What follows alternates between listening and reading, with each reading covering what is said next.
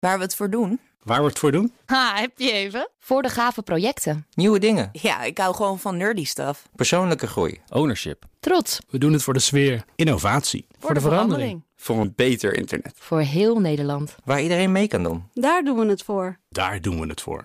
Waar doe jij het voor? Kom werken voor KPN en groei op jouw manier. Check de actuele vacatures op het gebied van data, security, development en networking op jobs.kpn.com/tech. Nieuwsradio. DNR Digitaal. Herbert Blankenstein. Welkom bij BNR Digitaal. Deze zomer hoor je het beste van het afgelopen seizoen van dit programma. Satellietbedrijf Van der Sat heeft een primeur. Ze kunnen met hun satellieten en algoritme heel nauwkeurig berekenen hoe vochtig de grond is. De technologie hierachter is volgens het bedrijf uniek. Robert Mika, medeoprichter van Van der Sat, vertelt hoe het werkt. Wij kijken met satellieten naar de aarde. En dat doen we niet met uh, de optische satellieten. Dus de satellieten waarmee je dus iets ziet, zoals elkaar, uh, wij elkaar nu zien. Dat doen we met passieve microgolven. Uh, dat is een, niche technologie. Dus de grond zendt die golven uit. Precies. En, en dat die wordt ergens boven opgevangen. Door satellieten die 800 kilometer hoog hangen, wordt het opgevangen. Uh, daar doen wij een heleboel dingen mee. Uh, dat we naar een hoge resolutie gaan. Dus dan gaan we naar 100 bij 100 meter. Dat doen we dagelijks voor de hele wereld. En, uh, we hebben wow, ook... Dus elke dag ja. een nieuwe wereldkaart, 100 bij 100 meter. Ja, en er komt heel Oeh. veel data bij kijken. Ja. Um, maar bodemvocht is een van de dingen die we zien. En zo hebben we dus ook geconstateerd dat uh, na 10 maanden uh, het, het, het bodemvochtgehalte weer op peil is. En dat is, een, dat is een bijzonder gegeven. Het bodemvochtgehalte moet ik even erbij zeggen. Dat is die eerste 30, 40 centimeter. Ja. de definitie van een droogte is, is heel moeilijk te bepalen. Je kan naar regenval kijken, je kan naar van alles kijken. maar waar wij naar kijken is de agrarische droogte in dit geval. Dat is veel van onze markt. En daar zien we gewoon dat het weer op peil is. En, ja, dat dus is wat dat niet zegt, even wat er dan niet in zit, grondwater. Hè? Dat zou nog, nee. dat zag ik ook in de documentatie die jullie verspreid hebben, Klopt. persbericht en zo. Nee. Dat zou nog verlaagd kunnen zijn. Ja, het grondwater is inderdaad nog op, op een aantal punten verlaagd. Uh, dat, dat, ja, dat, moeten we zien hoe dat, hoe dat, hoe dat gaat lopen. Ja. Maar al die tijd tot nu was dus de grond nog droger dan Ja. die zou moeten zijn Ja. ten gevolge van de droogte van Ja, en dat is 2018. natuurlijk al dat is wetenschappelijk al interessant. We hebben zelfs uh, gebeld naar verschillende universiteiten van jongens, kennen jullie dit fenomeen? Hè, het regent zo lang niet, het is heel lang droog geweest. Uh, en vervolgens denk je van nou, daar gaat de plensbui overheen en die eerste laag zal wel weer. Hè, die zal Dat zou weer, ik denken, ja. Dat zou je denken, maar zo werkt het dus niet. Ja. Kennelijk is het geheugen van die toplaag, uh, daar gebeurt iets dat het dus tien maanden duurt voordat het weer op peil komt. En nou, maart heeft het iets meer geregend, dus net iets sneller gaan. Uh, en dat heeft implicaties. Ja. De, in ieder geval voor de, voor de landbouw. En en, en dat, dus dat dat nu weer gewoon op een normaal punt is. En dat, ja, dat, dat het tien maanden duurt, is gewoon wetenschappelijk gezien ook echt gewoon een compleet nieuwe ontdekking. Ja, w- wat me interesseert, je stelt nou vast, oké, okay, het, is, het is weer oké okay in de grond. Ja. Maar um, ja, boeren zijn daar toch aan overgeleverd. Kunnen die op een of andere manier op basis van deze informatie ook handelen? Of uh, zaten ze toch al met de armen over elkaar en, en blijft dat zo? Want ja, je, je moet toch gewoon afwachten wat voor weer het is. Ja, als boer. ja. Uh, een boer kan van alles doen. Um, maar het is niet zo dat wij ons, dat met onze data dat je dan direct actie onderneemt. Het is zo dat onze data de basis vormt voor applicaties erop gebouwd kunnen worden. Dus bijvoorbeeld irrigatieapplicaties in Amerika. Um, daar gaan we deze zomer mee beginnen. Er gaan een heleboel boeren die gaan op onze data gaan ze irrigatieplannen draaien. Bodemvocht creëert dat. Um, er zijn een, een, een, heleboel toepassingen voor onze data. maar uiteindelijk moet het gecombineerd worden met andere datasets en andere kennis van de boeren zelf bijvoorbeeld. Voordat je er echt actie op kan ondernemen. Wij zullen ook nooit als van de stad zijnde rechtstreeks naar een boer toe gaan. Daar komt een andere bepaalde kennis bij kijken die nodig is. En wij claimen ook niet ja. dat, we dat, uh, dat we dat kunnen. Ja, kijk even naar Claire Boonstra, die hier al staat in afwachting van, uh, van nou ja, dat jij aan de beurt bent. Maar jij hebt ook het nodige gedaan met data. Eerder een bedrijf mede opgericht, Layer. Dat uh, deed in augmented reality. Dat... Ben jij onder de indruk van wat je hier hoort? Ja, ik, ik vind het. Dit zijn wel, wel dingen waar ik ontzettend blij van word. Hoe je gewoon verschillende applicaties, verschillende lagen, verschillende toepassingen bij elkaar brengt. En daar weer een nieuw waardevol iets mee creëert. Ja, nee, zijn. nee, nee het, het, is, het is precies dat. Het is, het, is ook, uh, het is ook niet makkelijk. Het is niet een, uh, een, een, trucje wat we bedacht hebben en uh, we zijn een hippe start-up aan het spelen. Dit komt uit 20 jaar academische research. En als je ook naar ons, naar ons team kijkt, ehm, qua, qua citaties, dan, dan, dan kan het concurreren met de beste universiteit in de wereld. En dan zijn we alleen dat verschil dat wij een commercieel bedrijf zijn en dat onze applicaties of onze data eigenlijk applicaties aanstuurt via een API en alles wat erbij komt kijken. Ja, wat ik wel wonderbaarlijk vind, en dat leerde ik in de voorbereiding van deze uitzending, Mhm. dat de data die voor jullie de grondstof eh, vormen, die zijn, worden gratis eh, Ja. verspreid door de Europese Ja. ruimtevaartorganisatie. Ja, ja, nee, ja zeker. Eh, door, door de ESA, de Europese Dus jij ruimtevaartorganisatie. mag wel weer, NASA. ik zou zeggen, de overheid op je blote knietjes danken dat dat er allemaal Ja. over jou heen regent, zal ik maar zeggen. Zeker, zeker, op een bepaald manier. Maar wat ook daar interessant aan is, is dat de ESA en de NASA en dergelijke, dat zijn, zijn wetenschappelijke organisaties. Die, de, die houden op bij het, de satelliet is gelanceerd. Nou, dan willen we de data ook nog wel enigszins beschikbaar stellen. Maar het is niet zo dat je naar de Google Maps van de ESA gaat en even dat pakt en dan zegt van, oh, ik, ik kan daar iets mee. En waarom doen ze dat niet eigenlijk? dat zit daar, dat, dat is zo van oudsher zo gegroeid. Eh, eh, twee weken geleden eh, was ik bij de NASA, precies hetzelfde verhaal. Eh, zit je daar de mensen toe te spreken over applicaties, wat er mogelijk is met al de data die ook van hun satellieten komt. En ze checken gewoon uit. De, de, de, ze ze Wat heel raar is. Ja. Want, want, want als zij zouden doen wat jij doet. En waarom Ja. zouden ze dat niet kunnen? Zouden ze hun halve budget kunnen terugverdienen? Eh, ja, misschien breng je ze nu op Ik idee. weet niet of je zoveel Ja, verdient, maar nou, het zou toch Nee, maar, leuk nee, zijn. maar dit is wel een heel interessant iets. En ook iets heel, wat, wat heel typisch is voor die ruimtevaartorganisatie. Dat je dus met, met publieke geld, gelden heel vaak bezig bent. En op het moment dat je daar iets op gaat bouwen. dan kan het ook zo zijn dat de overheid zegt: van nou, wij gaan het ook doen. Snap je? En dat, dat creëert wel een, een, een, ja, een heel moeilijk ja, business situatie, laat ik het zo maar zeggen. Eh, want dit, dat is inderdaad mogelijk. Eh, komt er nog steeds wel bij dat dit eh, geen makkelijk trucje is. En dat het zelfs voor organisaties als ESA en NASA echt een uitdaging zal zijn. En dan heb ik het vooral niet eens alleen over het wetenschappelijke. Je moet ook een business component er tegenaan plakken. Eh, met SLA's en alles wat erbij komt kijken. En klanten en, en klantcontact. En dat is bij die organisaties totaal niet bekend hoe dat Ja, werkt. ja. Dus je zal altijd die twee moeten hebben. Ja. Dus het is de combinatie van inderdaad de, de hele sterke wetenschap... en ook nog eens een keer dat ondernemerschap er tegenaan geplakt. Hè, dus het commerciële inzicht. Dus eh, jullie maken er van dat ruwe materiaal van ESA maken jullie een eh, iets wat geraffineerd product. Maar je zei zelf net al, dat is dan weer grondstof voor bedrijven die apps maken. Ja. En pas dan komt het misschien een keer bij boeren terecht. Ja. Maar kun je nog wat meer vertellen over die keten? Eh, wie zijn jullie klanten en wat kunnen ze er Nou, precies nee, mee doen? Ik, ik kan, ik kan er zeker een paar dingen vertellen. Ehm, dat gaat van banken naar verzekeraars naar de, de grootste landbouwbedrijven. Ehm, eh, noem een BAS F, eh, waar we mee samenwerken. Precisielandbouw, misschien wel eens van gehoord. Hè. Dat is, we, pakken allemaal data, allemaal sensoren bij elkaar. En dan gaan we applicaties bouwen. Ehm, onze data eh, vormt de basis voor veel applicaties. Neem bijvoorbeeld een BAS F. Je kan je voorstellen dat met bodemvocht en temperatuur zien we ook... en nog wat andere zaken... dat er hele sterke indicatoren zijn voor de uitbraak van een ziekte. Op basis van onze data, en we hebben 40 jaar data. Ehm, kan je gewoon heel goed gaan voorspellen wanneer er iets gaat gebeuren ergens. Dat betekent dat zo'n zo'n zo'n landbouwbedrijf gewoon heel gericht advies kan geven over wanneer je wel of niet pesticiden moet gaan gebruiken. Uiteindelijk minder, minder pesticiden gaat gebruiken. Ja. Eh, in Amerika, wat ik net zei, eh, onze data vormt de basis voor irrigatieprotocollen. Dus eh, op dat moment wordt er minder water gebruikt. Heel Kazachstan, is een land dat is 40 keer groter dan Nederland, geloof ik, gaat dit jaar verzekerd worden, de complete landbouwoogst op onze data. Ehm, dat zijn Verzekerd in de zin van dat ze eh, betaald worden als de oogst mislukt. Ja, inderdaad. En, en, dat is super interessant, want wat gebeurt er nou? We werken samen met een van de grootste herverzekeraars. Ehm, die moesten voorheen langs gaan hè, eh, om te kijken wat de schade was. En, en dan kreeg een boer uitbetaald. Eh, nu is het zo dat ze naar onze data kijken. En ze weten dat die correlatie tussen onze bodemvochtdata bijvoorbeeld en de, de, de crop yields, de oogst, Oogst, ja. zo sterk is dat ze alleen maar naar onze data hoeven te kijken om uit te betalen. Dat betekent dat je een heel stuk uit die keten weghaalt. En daarbij krijgen die boeren ook nog eens een keer, in het kader van volle transparantie, krijgen die data ook. Dus ze Ja. kunnen ook gaan sturen op hun land op basis van die Dus dat is heel spectaculair. Eh, ze hoeven niet eens meer te wachten tot de oogst mislukt. Op basis van jullie vochtdata Ja. kunnen ze zeggen... die oogst gaat mislukken, ze kunnen net zo goed meteen betalen. Eh, ja, nu ga je weer een stapje vooruit, Oh. inderdaad. Maar, maar, maar, ja, maar goed, maar nu, ga je, nou, nu kom je wel aan een andere business case. En dat is het voorspellen. Eh, het voorspellen, en dan kom je in de commodity trading markt. Het voorspellen van oogsten, dat is, dat, dat is een business, heel groot. Ehm, op het moment dat je daar toegevoegde waarde hebt... en dat hebben wij omdat we een unieke dataset hebben... die niemand anders ter wereld heeft, eh, gepatenteerd. Eh, en het blijkt dat die voorspellende waarde... het is water, hè, en water en, en oogst, dat gaat nogal samen... Ja. Eh, dat heeft zoveel voorspellende waarde dat wij eerder kunnen gaan zeggen of een oogst wel of niet gaat lukken. Laat Precies, ik wel ja. eventjes buiten, buiten beschouwing dat er een, als er een hagelstorm of een tornado overheen gaat, dat konden wij ook niet weten. Maar je kan wel zeggen, eh, in bepaalde eh, delen van zo'n groeicyclus. eh, van landbouwproducten. Als er dan wel of geen water is, en dan precies hoeveel, dan kan je zeggen hoe groot die oogst gaat worden een paar maanden later. Ja. Eh, nou, dat is ook weer een voorbeeld. En daar gaat de markt dan weer eh, zijn voordeel mee doen. Eh, ja, dat, dat, dat kan. Maar we werken ook voor een, een bank, een bekende Nederlandse bank. Die willen uitbreiden naar Afrika. Maar er komt een boer in Afrika die komt de bank binnenlopen. Die zegt: Ik wil een lening. Dan zeggen ze: Ja, dat is leuk, maar ik weet helemaal niks van u financieel. Oh, wacht even. We pakken eventjes de data erbij van de afgelopen 20 jaar. Hoe heeft uw landbouwperceel gepresteerd? Dan weten we in ieder geval een beetje hoe, het, hoe het er bij u toe gaat en hoe kredietwaardig u bent. Nou, nog even kort.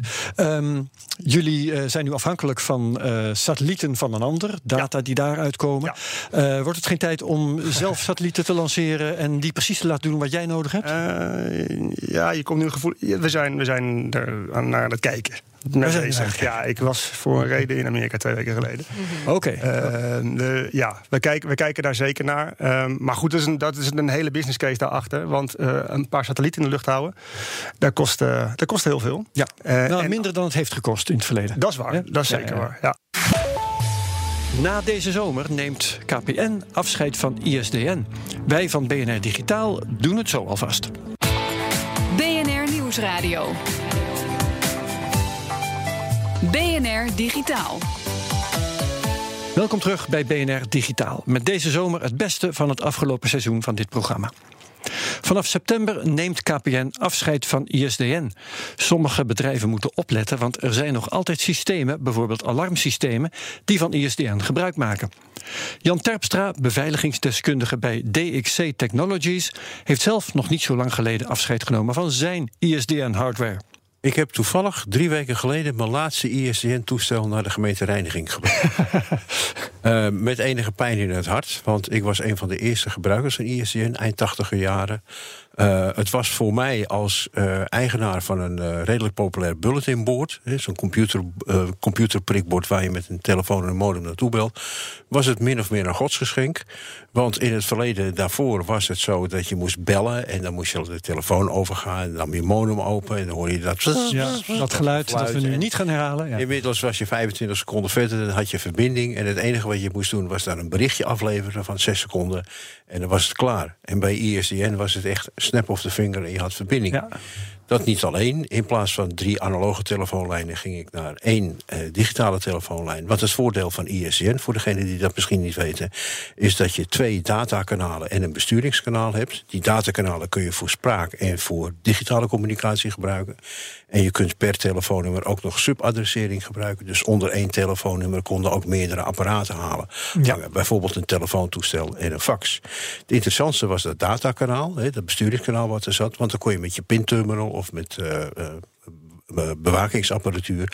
kon je zonder dat je verbinding maakte, dus zonder kosten te maken... kon je data heen en weer sturen. Bijvoorbeeld voor het versturen van een alarm als er werd ingebroken. Dus het was voor die tijd een bijzonder flexibel en zeer geavanceerd systeem. Ja, en als eh internetter met een ouderwets modem weet ik ook nog wel dat je eh, opeens de dubbele bandbreedte had op zijn minst. Ja, je ging van maximaal eh, 56 kilobit. Ja. Als je dat nu vergelijkt met de gigabits die we nu hebben, maar van 56 kilobit ging je zomaar naar 128 kilobit. En dat was bloedsnel voor die tijd. Ja, vonden we toen heel snel. Koen, jij is nog specifieke ISDN-herinneringen? Nou, ik heb mijn ISDN-lijn volgens mij in 1997 eh, moeten, moeten uitzwaaien. In, in die termijn nog op, eh, op, eh, op, op, op naam van mijn ouders, moet ik er meteen bij zeggen.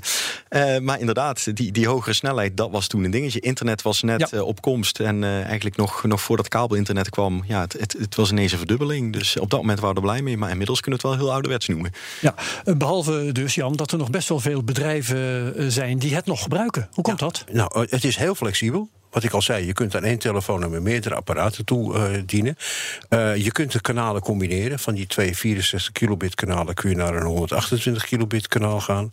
Eh, en wat je vroeger had als je aan het, ja, aan het modemen was, zoals dat vroeger heet. Of je was aan het internetten via de telefoon. Ja. En je huisgenoot pakte de telefoon op, dan was je je verbinding kwijt.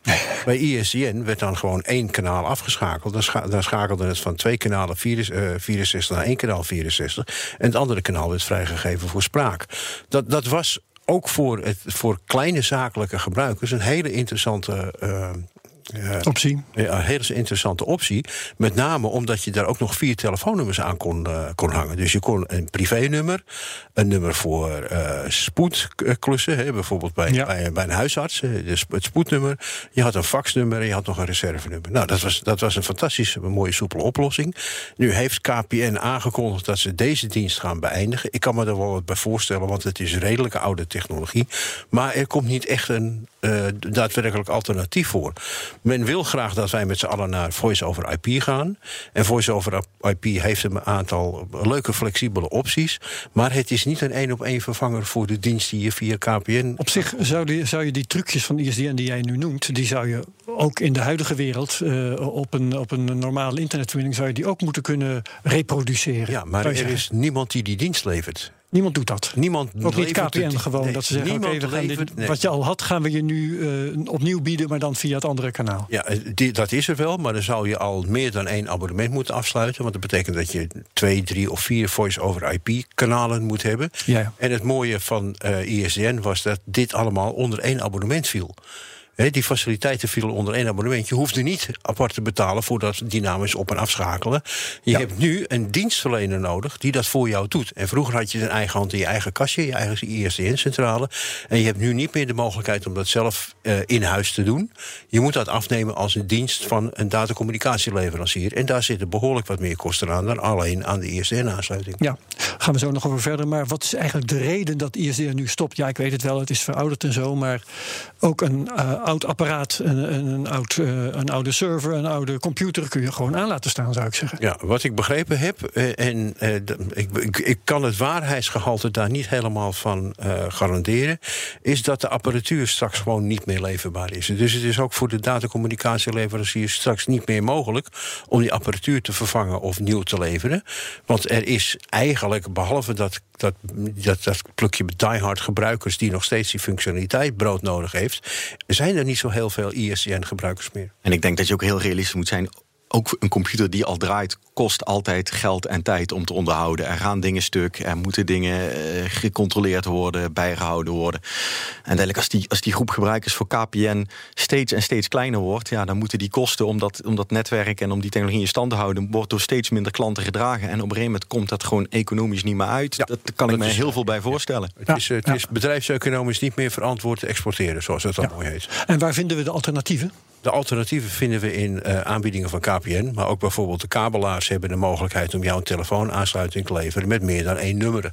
Alleen daar zit dan dat mooie, uh, zeg maar, automatisch doorschakelen naar een subadressering, naar je fax. Ja. Zit daar niet in. En dat betekent dus dat je een ISD of een, uh, een, een voice-over IP-dienst moet afleveren. Waar al die dingen in zitten. En het dynamisch doorschakelen moet dan door je datacomleverancier geregeld worden. En sommigen hebben dat gewoon niet in de aanbieding.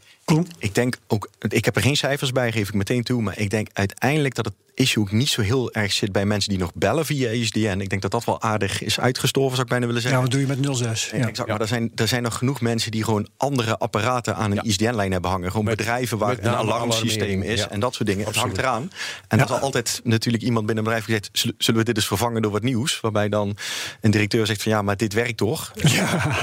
dat, is de, dat is de issue. En uiteindelijk worden dat soort uh, worden bedrijven die nu nog ISDN-producten hebben... voor alarm of wat dan ook, nu wel gedwongen om een investering in een nieuw systeem te doen. Ja, en is het dan uh, eenvoudig of moeilijk, vraag ik even aan degene van jullie die zich het meest geroepen voelt, uh, om die systemen over te zetten?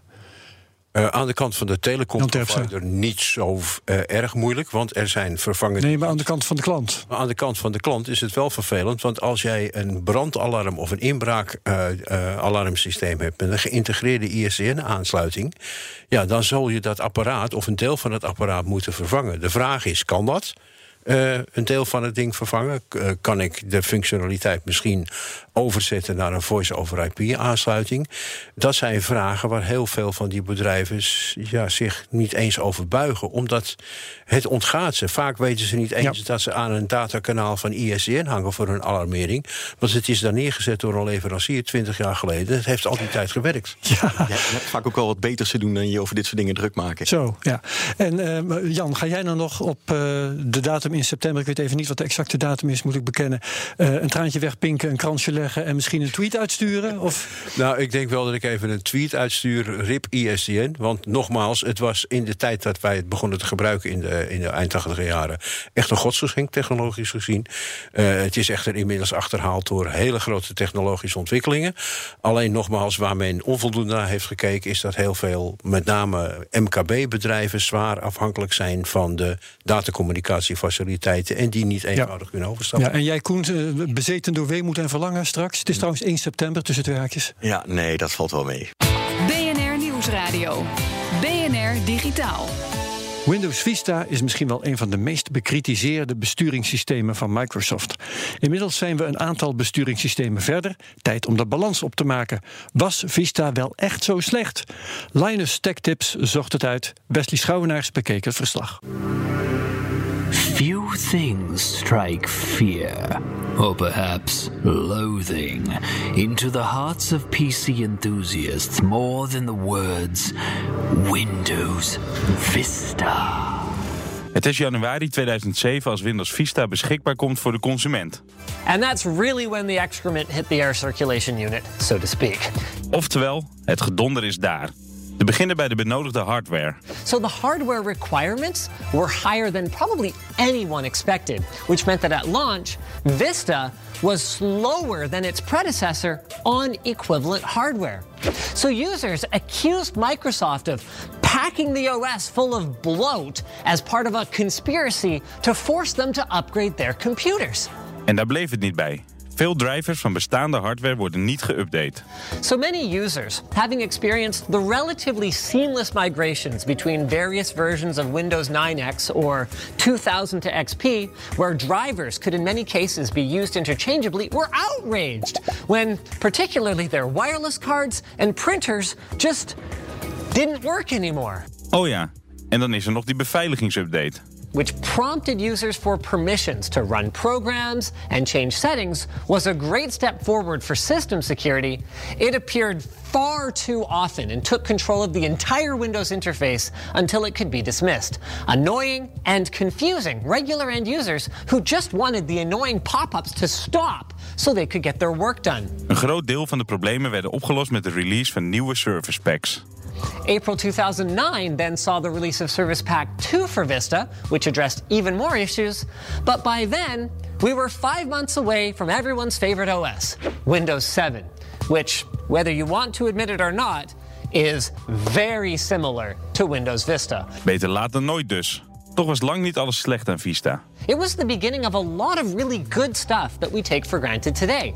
For example, its all new memory management model used free RAM to load frequently used programs and files in the background to smooth out operation. As for Windows Aero with its cool translucency effects, well, it ran on the system's GPU. So if you had a discrete graphics card, and you weren't experiencing crashes, which not everyone did, by the way. I didn't. It ran very smoothly and looked so good that going back to the old way with Windows XP felt like caveman stuff. En de grap is, we gebruiken dit vandaag de dag nog steeds. Tijd voor de hamvraag. Was Vista that bad? Yes.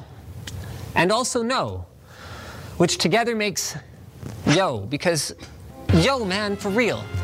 For all its faults, and there were many, Windows Vista was a huge, if wobbly, step in the right direction. Its main issue, I think, is that by the time it had really gotten to the point where it was usable, Windows 7 was right around the corner and Vista's reputation had been irreparably damaged. So, despite the tech and feature advancements, Vista will and should continue to go down in history as the worst Windows launch ever. Je hoort een bijdrage van Wesley Schouwenaars. Tot zover BNR Digitaal. Wil je meer horen? Dat kan via bnr.nl, onze app, iTunes en Spotify... of waar je ook maar naar podcasts luistert. Beluister ook eens een van mijn andere podcasts... De Technoloog, Space Cowboys of de Cryptocast. Bedankt en tot volgende week. Ook Liesbeth Staats vind je in de BNR-app. Ja, heel handig. Luister live naar Kees en mij tijdens de Daily Move. Dan blijf je ook gelijk op de hoogte van breaking news en het laatste zakelijke nieuws. En daar vind je ook alle BNR-podcasts, waaronder de Perestrooikast. Download nu de gratis BNR-app en blijf scherp.